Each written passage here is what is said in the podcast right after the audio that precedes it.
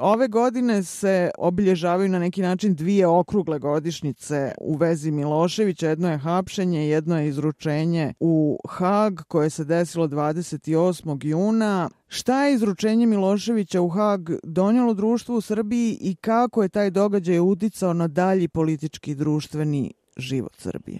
Izručenje Miloševića je u unutrašnjoj politici u Srbiji imalo jednu drastičnu posledicu. Već je njegovo hapšenje e, to nagovestilo, ali to se u potpunosti pokazalo prilikom njegovog izručenja, znači 28. juna. Pomijem da je vlada konstituisana u januaru te godine, znači to je bilo nepunih praktično šest, šest meseci po konstituisanju vlade, dakle za, za političke prilike u Srbiji brzo. E, pokazalo se da unutar DOS-a postoji jedna ogromna podela politička, i onda je ona u potpunosti izašla na videlo, a to je jedan deo koji je bio mnogo manje kritičan prema Miloševićoj politici, koji je e, imao razumevanje za teme koje je pokrenuo Milošević, koji je smatrao da što manje promena treba napraviti u samome društvu, Ispalo je da Milošević prosto bio nespretan, a da ima loše, loše političke ciljeve.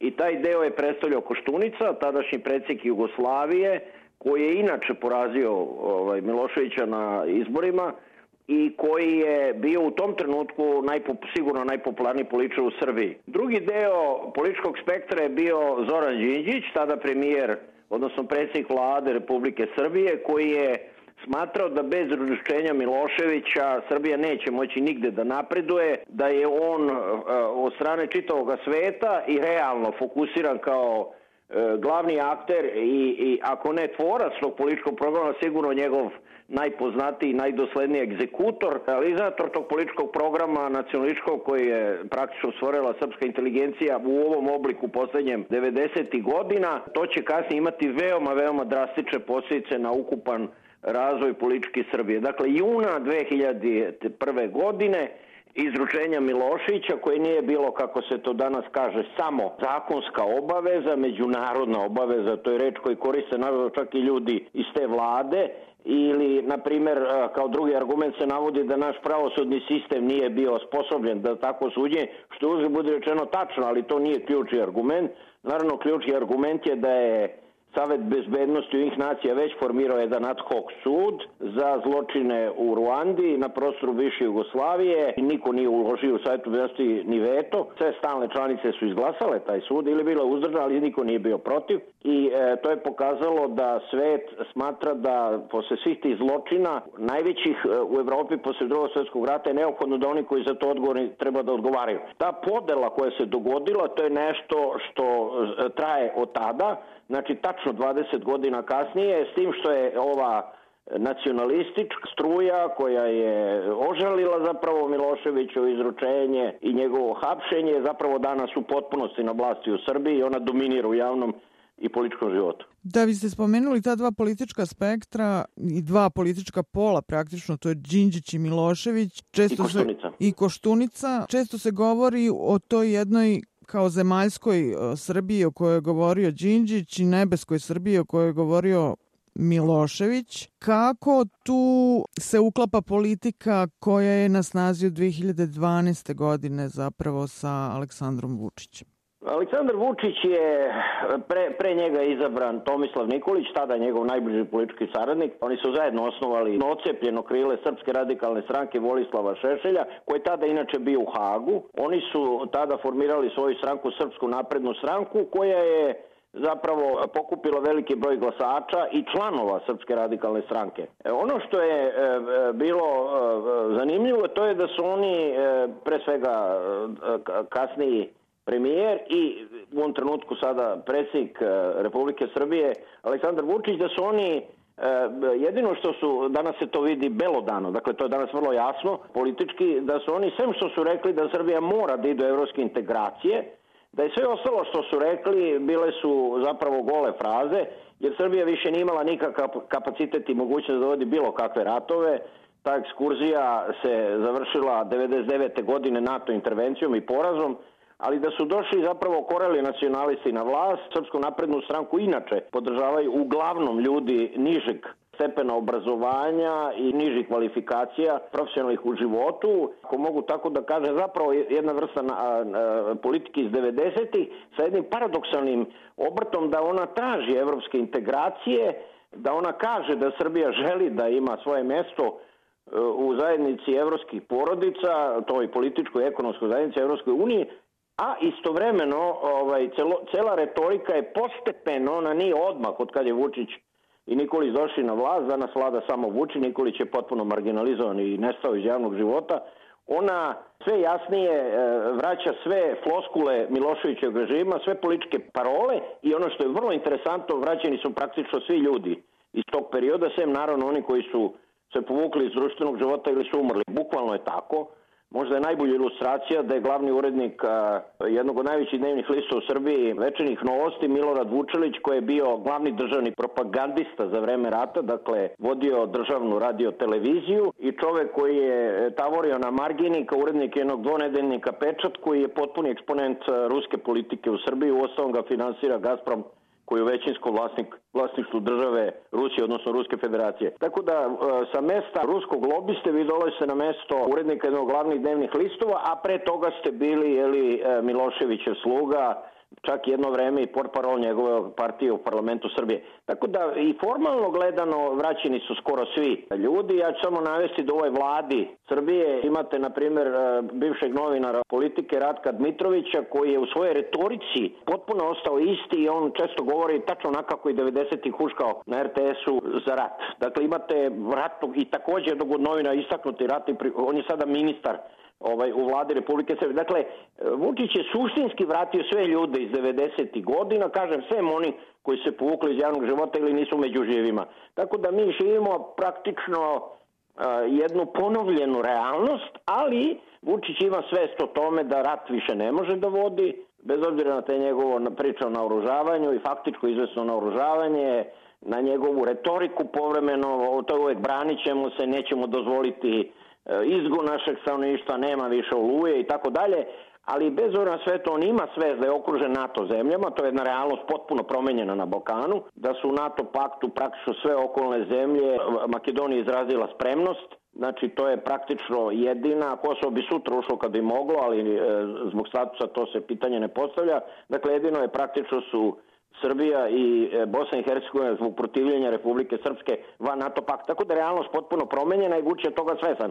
Međutim, njegovo, njegovo obnavljanje e, nacionalističke retorike i nacionalističkog programa koji se sada zove Srpski svet. Znači, to je ta neka formulacija koja je inače pozavljena iz Rusije. To je jedna ruska propagandna floskula, politička ruski svet. Sad se pojavljuje sve više srpski svet, što znači da on misli da je on kako bi rekao, zadužen, kako on kaže, da vodi brigu o Srbima koji žive u okruženju, a to se pre svega od nas Srbe u Bosni i Hercegovini i sada u Crnoj Gori, nešto manje na Srbe u Hrvatskoj koji su u odnosu na njega relativno samostalni politički. U odnosu na to što ste sad rekli, šta je zapravo problem Srbije i Haškog tribunala? Zašto je pa za većinu i za vodeću politiku to problematičan sud? Pa on je problematičan zato što se vi niste suočili sa porazom političkim i vojnim. Znači vi se niste suočili. Sad je ta retorika stigla do jedne tačke koja po meni već prelazi granice normalnog razmišljanja. Naprimer, vrlo često se javlja u medijima, dobija u tabloidima koji u potpunosti kontroliše, kontroliše Vučić, general Lazarević koji se vratio sa osluženja, dakle on je ratni, osuđeni ratni zločinac, koji je služio svoju kaznu, koji sada iznosi stvari koje po meni više nisu u domenu normalnog. Dakle, on ne samo da govore smo mi pobedili, rušili neke avione američke, oni sakli, nego sad tvrdi da mu nije dozvoljeno da je mogao za čas da ode i da osvoji Tiranu. Zašto Tiranu? Ja iskreno pitao bi ga onako čak ako bi ga i video zašto bi mi uopšte osvajali Tiranu i kakve veze država Republika Albanima. Ali hoću da kažem e, to je tipičan primer te ludačke retorike. Dakle, mi rat zapravo nismo izgubili, rat je izdan, jeli, mi smo mogli to i mi smo dobijali, ali eto, e, nešto se desilo pa smo mi morali da se povučemo, ali u stvari smo mi dobijali taj rat. E ako vi imate taj stav da nećete suočiti s jednim, ajde kažemo makar političkim porazom, kardinalnim, e onda naravno vi nećete ni Haški sud, to je druga tačka, u kome su upravo ljudi koji su taj rat vodili e, i ljudi koji su najodgovorni za njega političari e, na suđenjima, odnosno osuđeni. Taj sud je završio ali svoj mandat, sad završio i rezidualni mehanizam, i završava sa suđenjima, ovaj, upravo završio Mladiću i Karadžiću, dakle političkoj vojnom lideru bosanskih Srba, liderima. Dakle, vi ako ne prihvatate rezultate onoga što ste radili 90-ih, ako ne vidite oko jednu katastrofu i nemate kapacite suočite sa porazom i pogre, koliko je pogrešna ta politika bila, onda naravno se i svi sila trudite da i ljude koji su osuđeni zbog toga zapravo vidite kao nevine. To je dosiglo groteskne razmere i moram da iskreno da kažem da su reakcije tabloida koje još jednom podlačim kategorički u potpunosti kontroliše Vučić, jače su sada reakcije na osudu Mladiću nego kad je izruče. Dakle, žalosno je gledati da je ta retorika danas mnogo oštrija, on se sada u velikom broju medija zove srpskim herojem, dakle čovjek u čije presudi piše da je osuđen za genocid, u Srebrenici vi ga zovete herojem. To je krupan kako bi rekao, nesporazum sa civilizovanim svetom i e, to je nešto što Srbija e, ima kao e, jedan zadatak ispred sebe, jer je nemoguće graditi moderno i demokratsko društvo, a čovjek kako je osuđen sa ovakvom obrazloženjem presude, e, tretirati jeli, e, ovako kako ga veliki broj tih tabloida koji stvari poludržavna glasila u Srbiji tretira. Koliko ljudi u to veruje, ja da vam odgovorim, ali ne treba pocenjivati medije. Mediji uvek imaju uce na javno mnjenje i na mišljenje ljudi, tako da Srbija ne prihvata rezultate tog rata, ona ne želi da kritički govori o tom ratu, nema kapacitet to trenutno da odbaci ili kritički promisli, a onda je Haški sud nešto što se onda mora odbaciti ako vi još jednom ne prihvatate rezultate tog rata i ono što je način kako većina sveta vidi taj rat. 90. godina mi smo dobili jednu gomilu pravnih stručaka, neki su bili jeli, profesori pravnih fakulteta, dakle imali u zadatak da obučavaju generacije budućih pravnika koji su tvrdili da je prvo taj sud nelegalan. Zato što ga osnovno savjet bezbednosti, a ne generalna skupština. Već je tad počelo sporavanje tog suda, ali činjenica je da Srbija je bila, e, sedište Srbije je bilo suspendovim nacija, svake godine na početku jednog zasedanja se razgovaralo o Srbiji, ona je bila, ali ona nije bila izbačena iz ovih nacija, ona je bila formalno članica ovih nacija. U tom smislu, ono što donose ide nacije postaje deo vašeg unutrašnjeg prava. Ako postoji čestostve rezolucije o genocidu, ona je deo tvog unutrašnjeg prava, znači Srbija je dužna da poštuje one odluke dok je članica te organizacije. Tako da imamo jednu absurdnu situaciju, da se to stalno pojavljuje kao neki tuđi sud U Holandiji, on je uzrečeno sasvim slučajno u Holandiji, odnosno u gradu Hagu. Srbija ovde je e, zauzela jedan stav karakterističan inače za Miloševića. Ona će ignorisati realnost. Ta vrsta ignorisanja realnosti ni prvi ni posljednji put na ovom svetu obično ima jako drastične posljedice za državu i narod, naciju koja tu politiku sledi, jer realnost je ono što određuje politiku. A ignorisanje realnosti vas vodi ne u sukob ozbiljnih razme, nego vodi vas zaista u jako drastične kako bi rekao, postupke u jako drastične konsekvence to ima za život jedne zemlje. Dakle, Milošević ignorisao realnost, a sad se u medijima ovde nastavlja ta trka da se ignoriše realnost, da su osuđeni poslati na robiju. Dakle, to nije bio neka vežba studenta pravnog fakulteta, nego e, Karadžić je upućen već u Englesku na odsluženje e, kazne, vidjet ćemo gde će otići Mladić. Dakle, ti ljudi koji su osuđeni, su od pravog suda, koji podržava najveći deo sveta, da nekada je bar ceo sveta, najveći, i ti ljudi će završiti u zatvoru svoj život. Dakle, to je pravi sud. Ovde se i dalje priča o tome kao da je to neki potpuno abstraktni sud. Prethodno ste spomenjali to priznanje poreza. Ivan Stambolić je takođe u Parizu 2000. godine a, rekao da je jedino sredstvo za izgradnju budućnosti Srbije jeste da prizna poraz, a jedino sredstvo da se prizna poraz da osudi Slobodana Miloševića i njegovu politiku. Da Milošević nije umro u Hagu nepresuđen, da li mislite da bi bilo lakše priznanje tog poraza? Pa ne. Mislim, ne bi pravio neke direktne analogije. Najveći broj zločinaca na ovom svetu nisu nikada ni osuđeni. Pol Pot je umro negde tamo u džungli u Kambođi osuđen, on je tvorac pojma autogenocid. Čak svet nije znao kako nazove to što je on uradio u svojoj zemlji, pa je skovao jedan novi naziv, autogen, ubiješ sobstveni narod, kao što znate Hitler se ubio, nikada nije suđen, suđeni su drugi.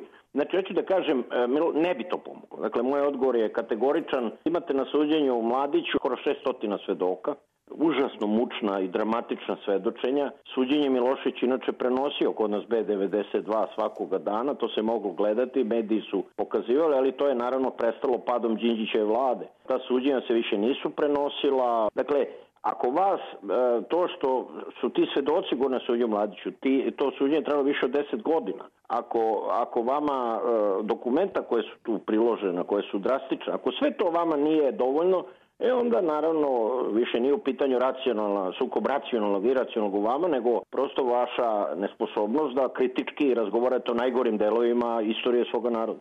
A zašto se stalno naglašava ta simbolika Vidovdana 28. juna i paralele izručenja upravo Miloševića tog dana? Opet kada se govorilo o njegovom hapšenju, stalno se spominjala ta veza i, i važnost 28. juna izručenja Miloševića kako je on i sam gotovo ironično Čedomiru Jovanoviću skrenuo pažnju na datum kada je bio isporučen. Zašto se insistira na tome toliko? Znate šta, ovaj, ja pošto ja neposredni učesnik tih događaja, nama nije palo ni na pamet da napravimo to analogiju, o tom govori o tome koliko smo mi žive, koliko ta vlada Zorana Đinđića nije živela u jednoj mitologiji nacionalističkoj. Prosto nismo ni mislije će to neko da poveže, to je naravno moglo biti dan ranije, dan kasnije. Prosto je stice okolnosti to je bilo tog dana. Mi stvarno o tome uopšte nismo razmišljali, jer, jer ta vlada, bar onaj glavni njen politički ide uopšte na taj način nije razmišljao.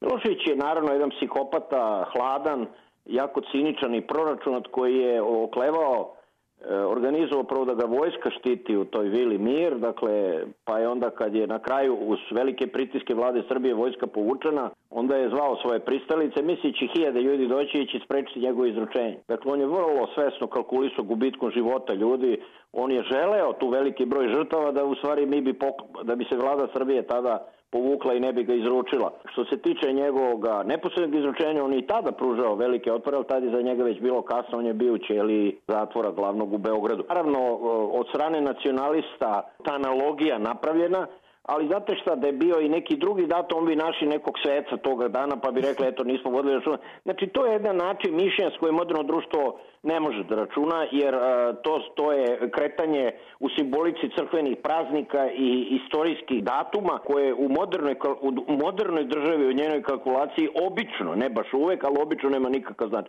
Dakle, to je samo došlo kao zgodno da se prikaže on kao velikomučenik, odnosno da se prikaže, eto, on je kao knez Lazar, koga smo inače mi proglasili za cara, on nikad u životu nije potpisao kao car, nije ni bio car, uvijek je i umro je kao knez. Bitka Vidovdan, bitka na Kosovu, eto Srbi opet državaju poraz međunarodne zajednice. Pravo da vam kažem, e, to nema nikakve veze ni s modernim društvom, ni modernom državom i to je upravo ta svest koja nas neprekidno u poslednjih 200 godina moderne srpske države svuče u nas.